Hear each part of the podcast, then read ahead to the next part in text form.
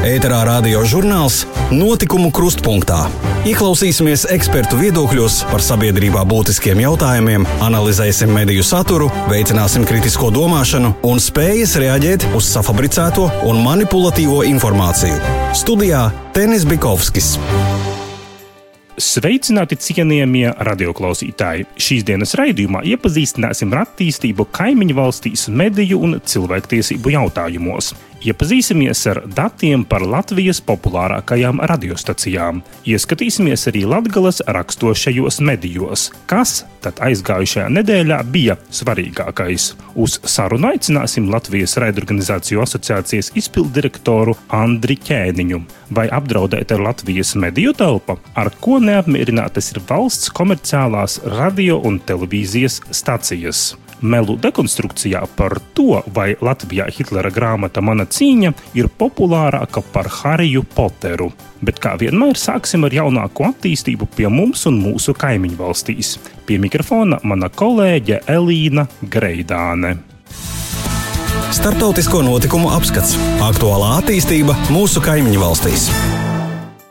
Krievijas ziņu portāls Zēnsaider informē, ka pagājušajā nedēļā Minskas viesnīcā tika aizturēta Krievijas federācijas pilsone Anna Bogočova, kura kopš 2018. gada atrodas zem ASV sankcijām sakarā ar iejaukšanos ASV vēlēšanu procesā. Kā ziņo Zēnsaider, iepriekš raidstacijā Radio Svoboda žurnālisti bija publicējuši pētījumu, kurā atklājās, ka iepriekš Anna Bogočova, izmantojot viltus sociālā tīkla kontaktu, kontu ar segvārdu Anna Triga darbojās Putinam pietuvinātā Krievijas oligarka Jevgēnija Prigožina tā saucamajā interneta troļļu fermā.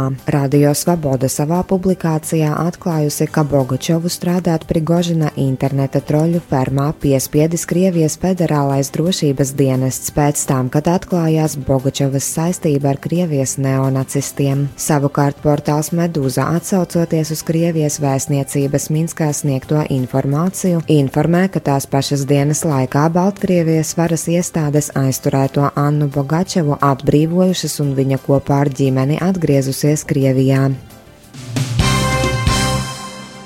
Radio Svoboda informē, ka Čimeņas pilsētas administrācija atteikusies saskaņot Staļina represiju upuru piemiņas pasākumu, atrunājoties ar to, ka akcijas organizatori nesot snieguši detalizētu pasākuma norises stundu plānu. Savukārt Tomskas pilsētas prokuratūra pieprasījusi septiņu gadu ieslodzījuma Tomskas pilsētas iedzīvotājam Sergejam Klīmovam par piedalīšanos Jehovas liecinieku pasākumos. Klīmovam inkriminē darbošanos ekstrēmā ekstrēmiskā organizācijā.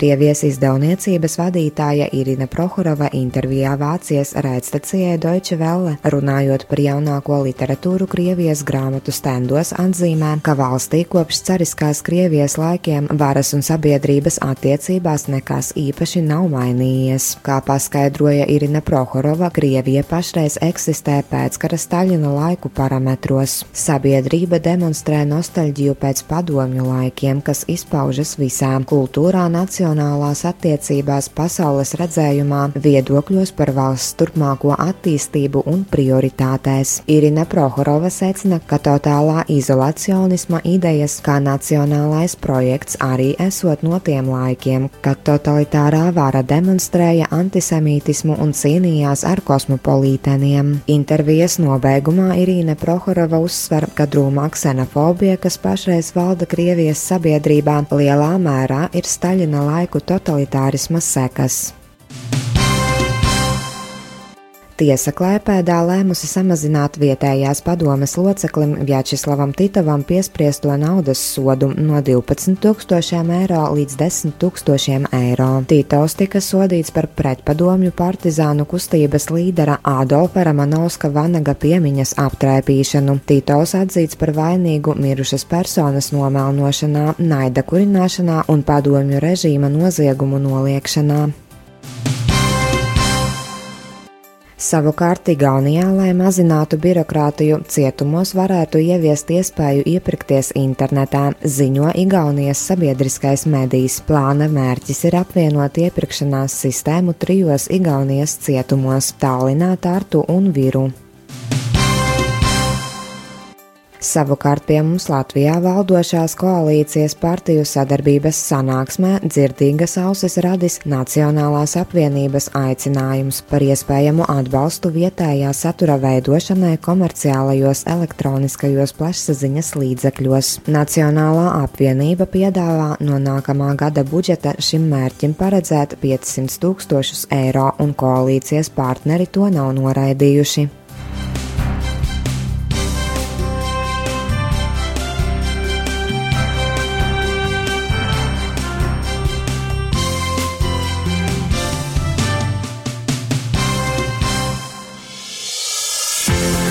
Ēterā radio žurnāls Notikumu krustpunktā. Paldies Elīnai Greidānei par ziņām, bet tagad nedaudz par to, kādas radiostacijas Latvijā ir populārākās. Jaunākie kantartēnes auditorijas dati liecina, ka Latvijas radioprogrammas ar 34,8% radioklausīšanās laika daļu aizvien saglabā tirgus līdera pozīciju. Klausītākā radiostacija ar 18,7% tirgus daļu ir latviešu populārās mūzikas programma Latvijas Radio 2. Otrajā vietā pēc klausīšanās laika sadalījuma ierindojas radios konto ar 13,6% lielu klausīšanās laika daļu. Un trešā lielākā daļa radiostacijai Latvijas Radio 1 ar 8,9%. Zīmīgi, ka pateicoties LR5 un daļēji arī LR2 programmām, Latvijas radio sasniedz 20% jauniešus, kamēr Igaunijas sabiedriskais radio 7,7%, bet Lietuvas tikai 2% jauniešu auditorijas. Pēc radiostaciju nedēļas auditorijas Latvijas radio 2 sasniedzis 506 tūkstošus bet radios konto ir pirmajā vietā ar 563 tūkstošiem klausītāju. Radio SVH sasniedz 510 tūkstošus, bet Latvijas radio 1 - 351 tūkstoti klausītāju. Kopā aptaujāti 4566 cilvēki. 83% tika aptaujāti ar telefonu interviju metodi, bet 16,4% internetā. Ēterā radio žurnāls Notikumu krustpunktā. Ieklausīsimies ekspertu viedokļos par sabiedrībā būtiskiem jautājumiem, analizēsim mediju saturu, veicināsim kritisko domāšanu un spējas reaģēt uz safabricēto un manipulatīvo informāciju. Studijā Tenis Bikovskis. Latvijas raidorganizāciju asociācija pēdējo nedēļu laikā paudusi bažas par to, ka samazinās valsts atbalsts komerciālajām radio un televīzijas stacijām. Kas ir šo bažu pamatā? Jautājām asociācijas izpilddirektoram Andrim Keniņam. Aktuālā intervija. Keniņa kungs, kas ir galvenās bažas, kuras pauž Latvijas raidorganizāciju asociācija sakarā ar nākamā gada budžetu un nepietiekamu atbalstu komerciālajiem medijiem? Tas jautājums pēc būtības nav tikai par nākamā gada budžetu, tas jautājums faktiski daudz plašāks, kas skar visu Latvijas informatīvo telpu. Um, jau ilgus gadus Latvijas informatīvā telpa, nu, teiksim tā, ir uz tāda krīzes sliekšņa, uh, jo mainās, uh, kā lai saka, mainās mediju ekono, ekonomika, uh, mainās reklāmas tirgus, mainās tehnoloģijas, mainās mediju patēriņš, un Latvijā ir ienākuši, tā teikt, daudzi, daudzi citu valstu mediji, uh, kas ne tikai paņem sabiedrības uzmanību, bet arī paņem naudu no Latvijas reklāmas tirgus. Kā rezultātā nu, finansējums Latvijas mēdījiem, pēc būtības reklāmas līdzekļi ir pamatpienākuma avots Latvijas komercmedijiem, viņi paliek arvien mazāk. Kā rezultātā komercmediji vairs, nu tā teikt, sa samazina to oriģinālu saturu vai vietējā satura apjomu. Un kāpēc tas ir būtiski? Tas ir būtiski, teiksim tā, kontekstā ar, ar, ar, ar, ar nu, kā, mē, kā mēdī darbības principu demokrātiskā sabiedrībā. Uh, jo, nu, jo, jo mums mazāk ir oriģināla satura, jo mums mazāk ir, pateiksim, ne tikai mazāk, bet arī ar mazāku daudzveidību, jo mums mazāk ir iespējas saņemt dažādu informāciju vai dažādus skatu punktus un dažādi vērtēt procesus gan Latvijā, gan pasaulē. Uh, un tas ir ļoti svarīgi, īpaši svarīgi šobrīd, laikā, kad notiek šis informatīvais karš, uh, un, un, uh, un uh, teiksim, nosacīti citu, citas valstis, vai šī gadījumā Krievija, uh, savos mēdījos, kas izplata informāciju gan Eiropā, gan Latvijā, no nākamā gada būtiski palielinās uh, finansējumu šiem medijiem, attiecīgi satura veidošanai. Savukārt mums ir uh, tas, tas process, ko es iepriekš minēju, ka vienkārši mums ir pēc, teiksim, tā tādas globālās un mediju ekonomikas tendences ir novedušas pie situācijas, kad uh, Latvijas mediji paši vairs nevar pietiekami saņemt finansējumu satura veidošanai. Plus ir vēl divi tādi ļoti būtiski apstākļi, uh, kas ir jāņem vērā. Viens ir, viens ir šis, tā kā jau es minēju, stāsts par Krievijas, par te, nu, pal, satura apjomu palielināšanos. Uh, Bet otrs stāsts ir par to, ka Latvija nu, uh, ir ļoti ierobežo savu mēdīju iespējas pelnīt reklāmas tirgu, izveidojot vai nu, nostiprinot dažādus uh, ierobežojumus reklāmas tirgu. Un viens no tiem pēdējiem būtiskākajiem ir šis ierobežojums um, kredīt reklāmām.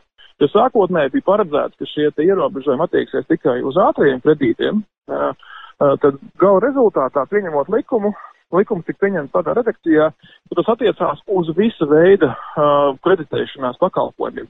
Tas ir gan hipotekārie kredīti, studiju kredīti, līzingi, preču un pakalpojumu iegādi uz nomaksu, nezinu, telefonu iegādi uz nomaksu un, un daudz citas lietas, ko mēs pērkam uz nomaksu.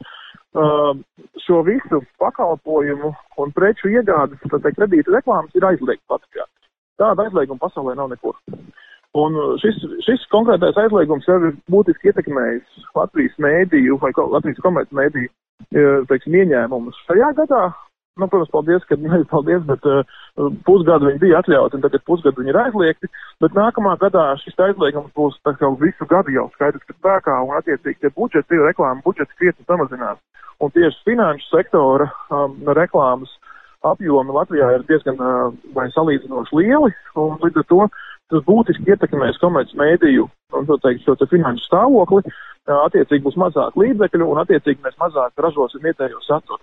Kā rezultātā mēs šajā informatīvajā karā ļoti būtiski zaudēsim.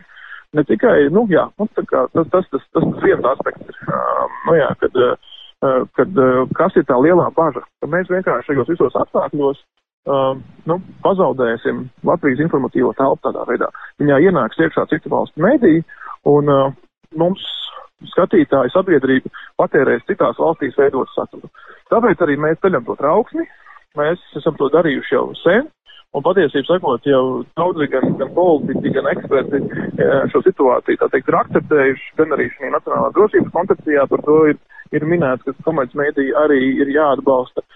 Uh, par to tika pagājušajā gadā lēmts patiesībā jau arī pie apstiprinot grozījumus elektronisko plašsaziņas līdzekļu likumā, tur, kas izmainīs tur, um, virzemes apraides finansēšanas modeli, arī tur bija paredzēts, ka, ka komerc mēdījiem tiks uh, rasti līdzekļu satura veidošanai. Tā kā tā ir tā, tā, tā ir tā kopējā baža, un tāpēc arī mēs šobrīd vēršamies pie, pie, pie, pie nu, politiķiem, uh, lūdzot šo atbalstu finansiālā veidā. Bet, uh, bet ja mēs Jā. Jūs šo trauksmi ceļat samērā skaļi, un tā arī informācija, kas ir parādījusies citos medijos, kā jūs sakat, ka pat valdība iznīcina Latvijas informatīvo telpu. Vai tik tiešām tik skaļiem uh, uzsaucieniem ir pamats, tā tiešām var teikt? Jā, tā tiešām var teikt, jo, nu, kā mēs redzējām, tad budžeta likumā nekāda papildus finansējuma komerc mēdījiem nākošajā gadā Uh, nu, līdz šim nav paredzēti, nebija paredzēti projektā, viņi nav, nav joprojām, bet šobrīd, protams, ir tās diskusijas, kur, kad, kad iespējams viņš būs, bet nu, uz to brīdi, kad mēs šo trauksmi cēlām, tanī brīdī budžeta likumā, uh, budžeta likuma projektā, uh, bija nulle atbalsts vai nu, nu, nulle palielināšanās, teiksim tā. Tur ir kaut kādas nelielas atsevišķas programmas, kas, kas, kas, kas, kas ir bijušas jau iepriekšējos gados, bet, teiksim, papildus šis finansējums netika iekļauts. Un, un, un kas ir tās mūsu apgalvojuma pamatā, kad iznīcina, mm, tad ir, ir, ir šis, tas, ko es iepriekš jau minēju, ir pieņemtie lēmumi attiecībā uz reklāmas ierobežojumiem, kas samazina komercmeidu iespēju nopelnīt reklāmas tirgu. Uh, Uh, bet arī šie te pieņemtie, kas stājās spēkā šogad, nav vienīgie, jo mums ir aizliegt arī, uh, mums ir aizliegt arī alkohol, alkoholisko re, uh, dzērienu reklāmas kas ir citās valstīs atļauts attiecīgās tur naktas stundās, piemēram.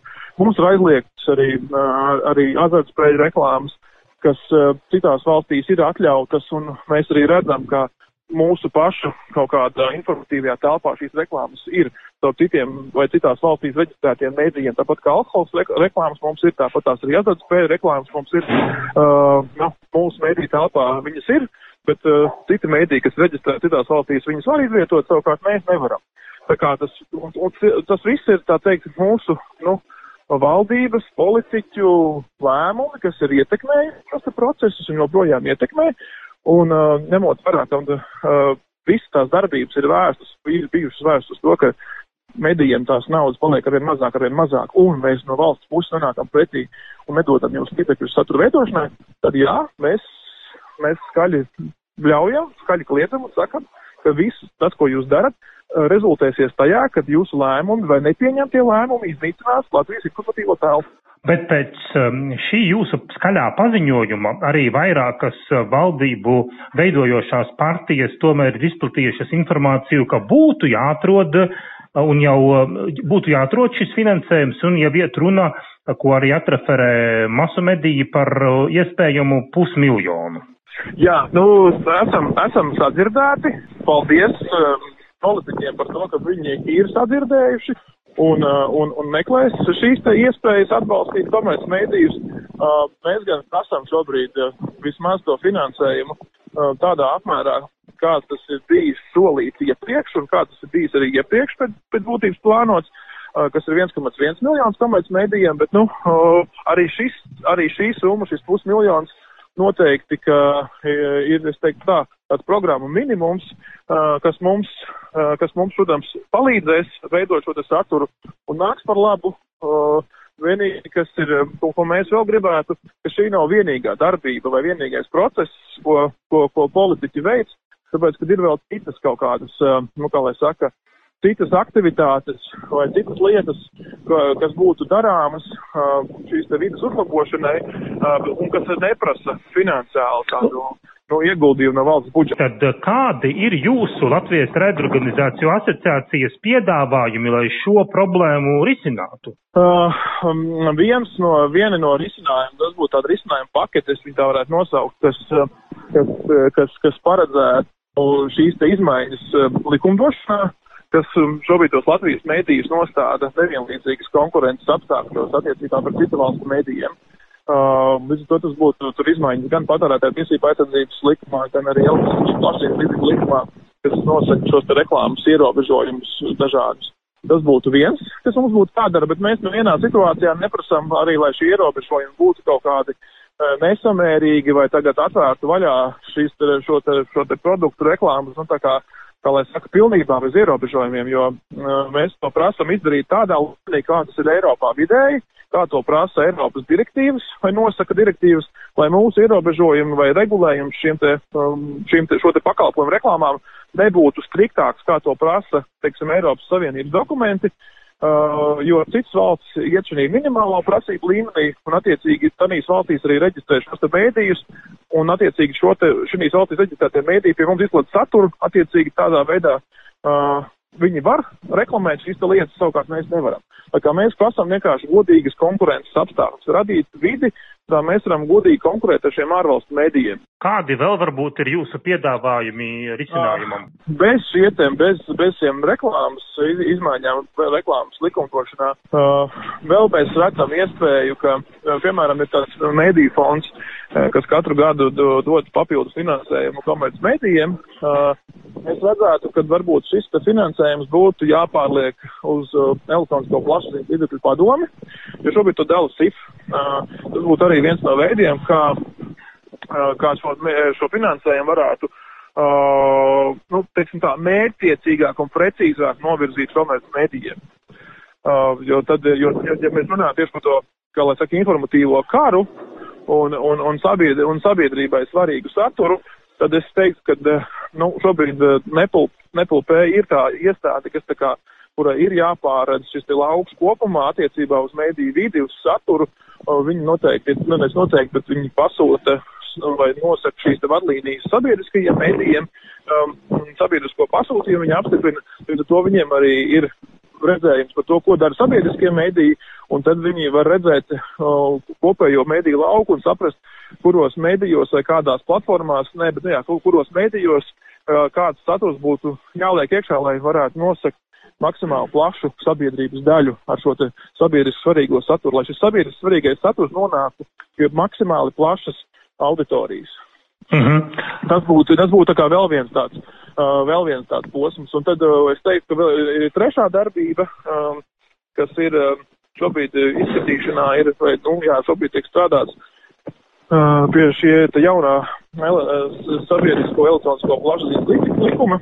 Uh, tad ir svarīgi, ka šis likums pēc iespējas ātrāk tiek pieņems, jo, jo arī mediju vidē ir ļoti būtiski svarīgi, ka sabiedrisko mediju darbība tiek sakārtota gan no finansiālā, gan no organizatoriskā aspekta, lai viņi strādātu liederīgi, efektīvi. Tas ir viens aspekts šim likumam. Otrs aspekts ir, ka šis likums paredz nodalīt esošo nepulpu funkciju, jo nepulpu šobrīd ir divas funkcijas. Viņi no vienas puses ir kapitāla daļa turētājs sabiedriskajiem mēdījiem, tātad viņi ir nosacīti kā īpašnieki un darbojās viņu interesēs, un no otras puses nepulpē uzrauga komerci sektoru. Un, un šīs divas funkcijas pēc būtības nav savienojamas. Viņas kaut kādos aspektos ir pilnīgi pretējas. Un, un to mēs arī redzam, ka šobrīd ne, līdz šim nepulpē ļoti daudz koncentrējās uz sabiedriskajiem mēdījiem. Uh, bet viņu darbība, teiksim, kopējā mēdīja laukā bija ļoti minimāla, vai, vai, vai viņu, viņu balsis tur bija ļoti minimāla. Kā rezultātā, uh, nu, ir kaut kādas neizdarītas lietas, vai, vai lietas varēja izdarīt labāk, mūsuprāt. Mm -hmm. uh, un, uh, un tad, tad līdz to ir šobrīd būtiski svarīgi nodalīt, ka ir šis sepulp, sepulp, nu jā, vai kā vai sabiedrisko elektronisko plašsaziņu līdzekļu padomu, kas uzraudzīs sabiedriskos mēdījus, un tad ir šis nepulp, kas pārēdz lauku kopumā. Uh, un, protams, kad arī um, arī personālī jautājums padomē ļoti būtisks un svarīgs, lai tur būtu kompetenti cilvēki. Uh, esošais padomus locekļi, kas tagad paliek strādāt, nu, mēs ar viņiem arī esam runājuši. Viņi ir gatavi un, un arī savos darbos šobrīd apliecina, ka viņi redz lauku kopumā un arī aizstāv šo ideju par komerc mēdīju satura veidošanas, teikt, finansējumu nepieciešamību komerc mēdījiem satura veidošanai. Bet arī šobrīd, kā mēs zinām, ir konkurss par diviem jauniem padomus locekļiem, un ir ļoti būtiski svarīgi, ka šie padomus locekļi, tā teikt, arī nebūs, nezinu, politiski ietekmējami, ka viņi būs kompetenti, nozares eksperti, kas tiešām varēs iestāties par, par, par, par, par nozaru kopumā. Uh mhm. -huh. Paldies jums par sarunu! Sarunājāmies ar Latvijas raidorganizācijas asociācijas izpildirektoru Andri Ķēniņu. Raidījuma turpinājumā mūsu redakcijas sagatavotais materiāls par Krievijas propagandas portāla baltņūs.com apgalvojumiem, ka Latvijā Hitlera grāmata Mana cīņa ir populārāka par Hariju Poteru un BBC korespondenta veikto pētījumu, lai noskaidrotu, vai šādi propagandistu apgalvojumi tiešām atbilst patiesībai. Melu dekonstrukcija. Nu jau pagājis labs laiks, kopš Krievijas propagandas portāls Baltnews.com nopublicēja rakstu, kurā tika apgalvots, ka Latvijā Adolfa Hitlera grāmata Mana cīņa vācu valodā Mein Kampf esot populārāka par mūsdienu britu rakstnieces Rowlingas grāmatu Harijs Poters un filozofu akmens. Raksta autors ir Baltnews korespondents Viktors Petrovs, kurš rakstā uzsver, ka tas nesot 1. aprīļa joks. Par to liecinot grāmatu pārskata reitings interneta grāmatu tirdzniecības portālā ebook.lv. Kā apgalvo Baltņūs korespondents grāmatu pārskata reitingā, popularitātes ziņā, pirmajā vietā esot bijis Karīnas Kopmanes Račko erotiskais romāns ar nosaukumu Saplēstās mežģīnes, Otrajā vietā Hitlera grāmata Mana cīņa, bet trešajā Harijs Poters un filozofu akmens. Nobeigumā raksta autors atzīmē, ka Latvijā periodiski tiekot diskutēts par to, vai pieļaujama nacistu vadoņa programmatisko nostādņu nokļūšana grāmatu plauktos. Jo kā savā rakstā norādīja propagandists, atsaucoties uz ziņu portāla, kas jauns sniegto informāciju, Hitlera grāmata Latvijā esot ārkārtīgi populāra un tikusi izdota atkārtoti. Radioklausītājiem atgādināsim, ka prokremliskais propagandas kanāls Baltņūs.com, līdzīgi kā propagandas portāls Sputnik, ir Krievijas valdībai piederošā starptautiskās mediju aģentūras Rasija Sivodņa struktūrvienība, kura reģistrēta Maskavā. Šā gada oktobra sākumā Lielbritānijas ziņu aģentūras BBC Maskavas pārstāvniecības korespondents Stīvs Rozenbergs apmeklēja Latvijas grāmatu veikalus un bibliotēkas un secināja, ka nekas neliecinot par Hitlera grāmatas Mana cīņa popularitāti Latvijā. BBC korespondents tikās ar interneta grāmatu veikala e-book pārstāvi Ritu Riskovu, kura sarunā paskaidroja, ka interneta grāmatu veikala aptaujas rezultāti ir anonīmi un izteica pārliecību, ka aptaujas rezultāti tapuši tā saucamo anonīmo interneta botu darbības rezultātā.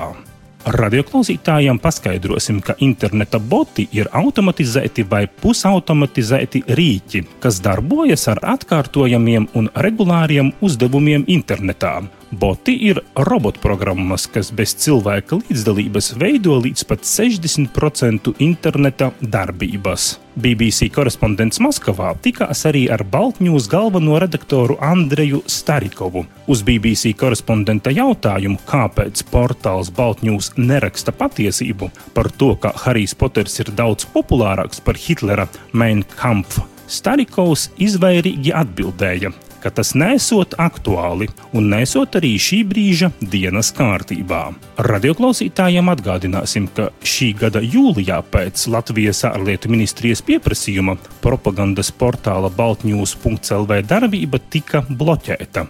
Tas savukārt izraisīja Krievijas ārlietu ministrijas sašutumu, kura uzskata, ka tādā veidā Latvija mēģina pasargāt savu informatīvo telpu no neatkarīgiem masu informācijas līdzekļiem. Šajā sakarā būtu jāpiebilst, ka Krievija pretenziju uzskaitījumā nepieminēja tik būtisku detaļu kā satura objektivitāte. Krievijas oficiālie pārstāvji Eiropas drošības un sadarbības organizācijā savā sociālajā vietnē Twitter.com norāda, ka saites baltņūs.lv bloķēšana esot nežēlīgas cenzūras un vārda brīvības ierobežošanas piemērs, kas ir pretrunā ar Latvijas oficiālo deklarēto nostāju, ievērojot demokrātijas principus. Savukārt Latvijas ārlietu ministrija paskaidroja, ka portāls Baltņūs.lv ir Rasija Sigodņa struktūra vienība un uz to attiecas Eiropas Savienības ieviestās sankcijas pret portāla īpašnieku.